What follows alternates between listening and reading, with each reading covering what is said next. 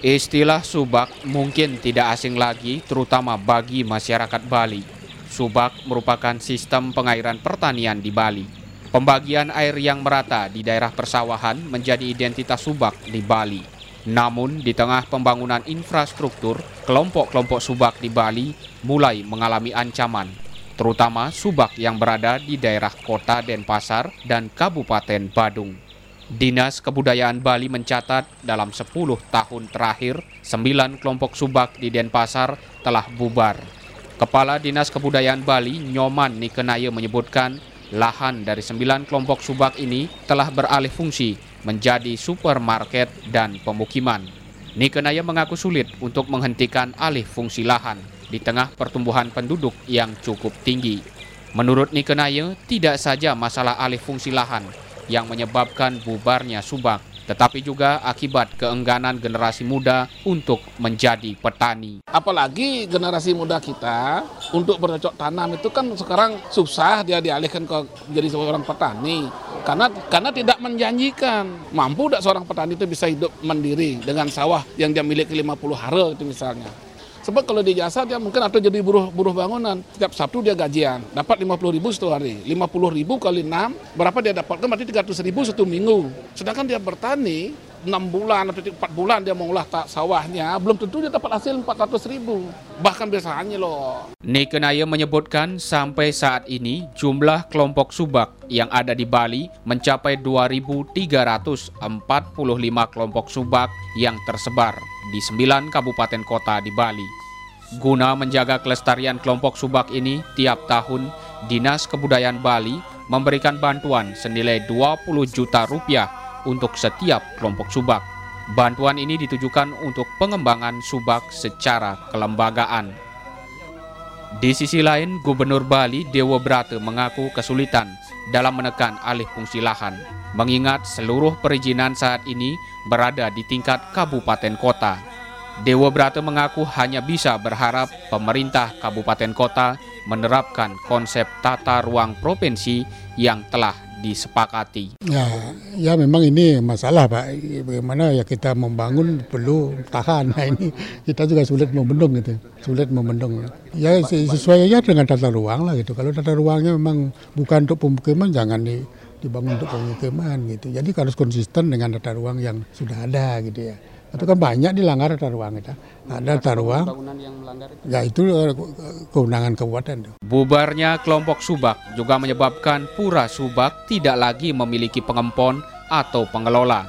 Menurut Ida Pedande Putra Manuabe, seharusnya yang menjadi pengelola Pura Subak saat ini adalah penduduk yang tinggal di kawasan Subak tersebut.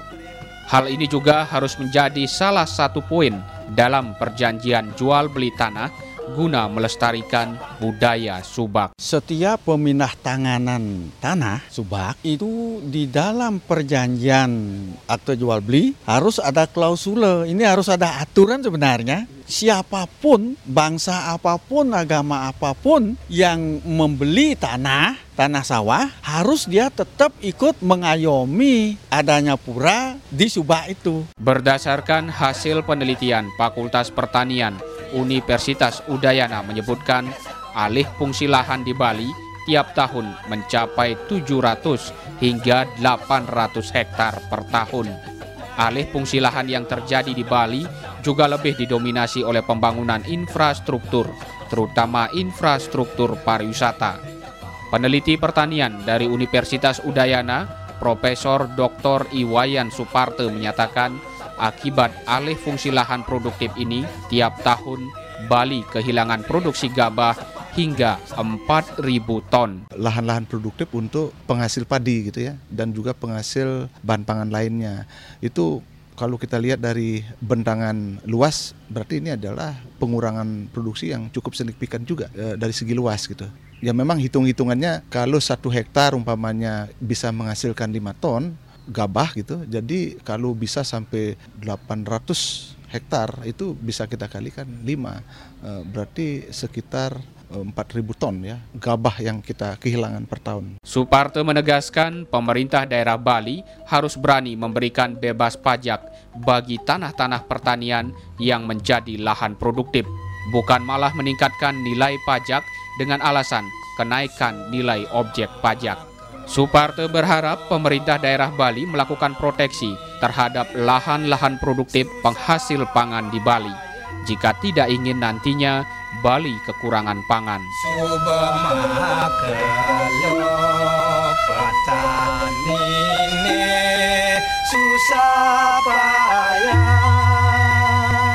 Menyempitnya kawasan Subak di Bali ini menimbulkan keprihatinan pada pelaku pariwisata. Apalagi selama ini cukup banyak wisatawan yang datang ke Bali dengan tujuan melihat bentangan sawah yang tertata rapi.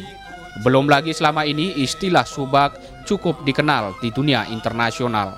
Salah satu pelaku pariwisata di Bali mulai mengembangkan kawasan wisata berbasis pertanian dengan pengembangan kawasan wisata budaya Kertelangu. Di kawasan wisata yang mempunyai luas lahan ratusan hektar ini dilengkapi dengan jogging track. Di kawasan ini wisatawan diberikan kesempatan untuk membeli langsung hasil pertanian dari petani. Tanah pertaniannya pun merupakan milik petani.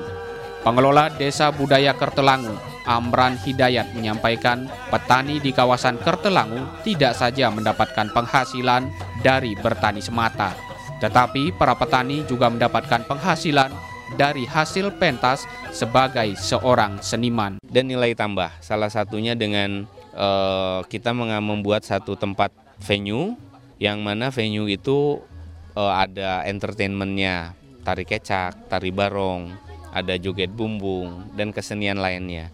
Nah, keseluruhan personal yang main di sana itu petani. Selain mempertahankan budaya Balinya, mereka juga mendapatkan nilai tambah pendapatan tambahan pula dari kegiatannya mereka selain bertani gitu. Pengembangan budaya Subak Padang Galak Kertelangu sebagai kawasan wisata budaya diharapkan dapat meningkatkan harga produk hasil pertanian. Mengingat wisatawan yang berkunjung ke kawasan wisata budaya Kertelangu ini akan membeli langsung hasil-hasil pertanian dengan harga yang lebih baik. Seperti diungkapkan Ketua Subak Padang Galak Kertelangu Dewa Ngurah Rai. Pasarnya itu jelas dan harganya bagus. Nah dengan adanya harga yang bagus, terus hasil pertanian yang menghasilkan dengan teknologi yang yang kita berdayakan bersama, otomatis semua petani kan ingin bertani, pak. Hmm, jadinya kalau sudah dari sisi pertanian bisa menghasilkan, otomatis mereka bertahan dengan pertaniannya. Sementara Kepala Desa Kesiman Kertelangu, Wayan Warte mengakui jumlah petani di Desa Kertelangu kini hanya sekitar 200 orang atau 10 persen dari seluruh jumlah penduduk di Desa Kesiman. Hal ini terjadi karena sebagian warga desa enggan untuk terjun menjadi petani. Selain itu, umur petani rata-rata di atas 50 tahun. Bahwa petani kita kalau kita lihat secara jujur yang masih petani itu hanya umur 50 tahun ke atas. Silahkan di lain tempat barangkali apakah ada petani yang umur 25 tahun. Mungkin di rumah sendiri eh, kamu nanti setelah besar ya siapa mungkin orang tuanya petani mungkin pernah dengar itu.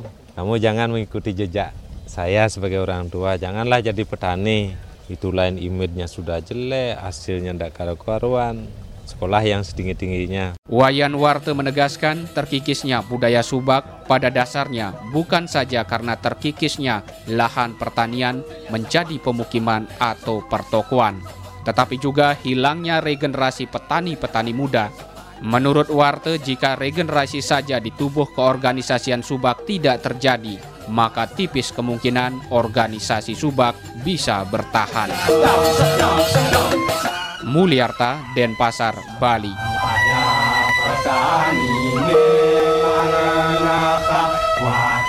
pabrik terus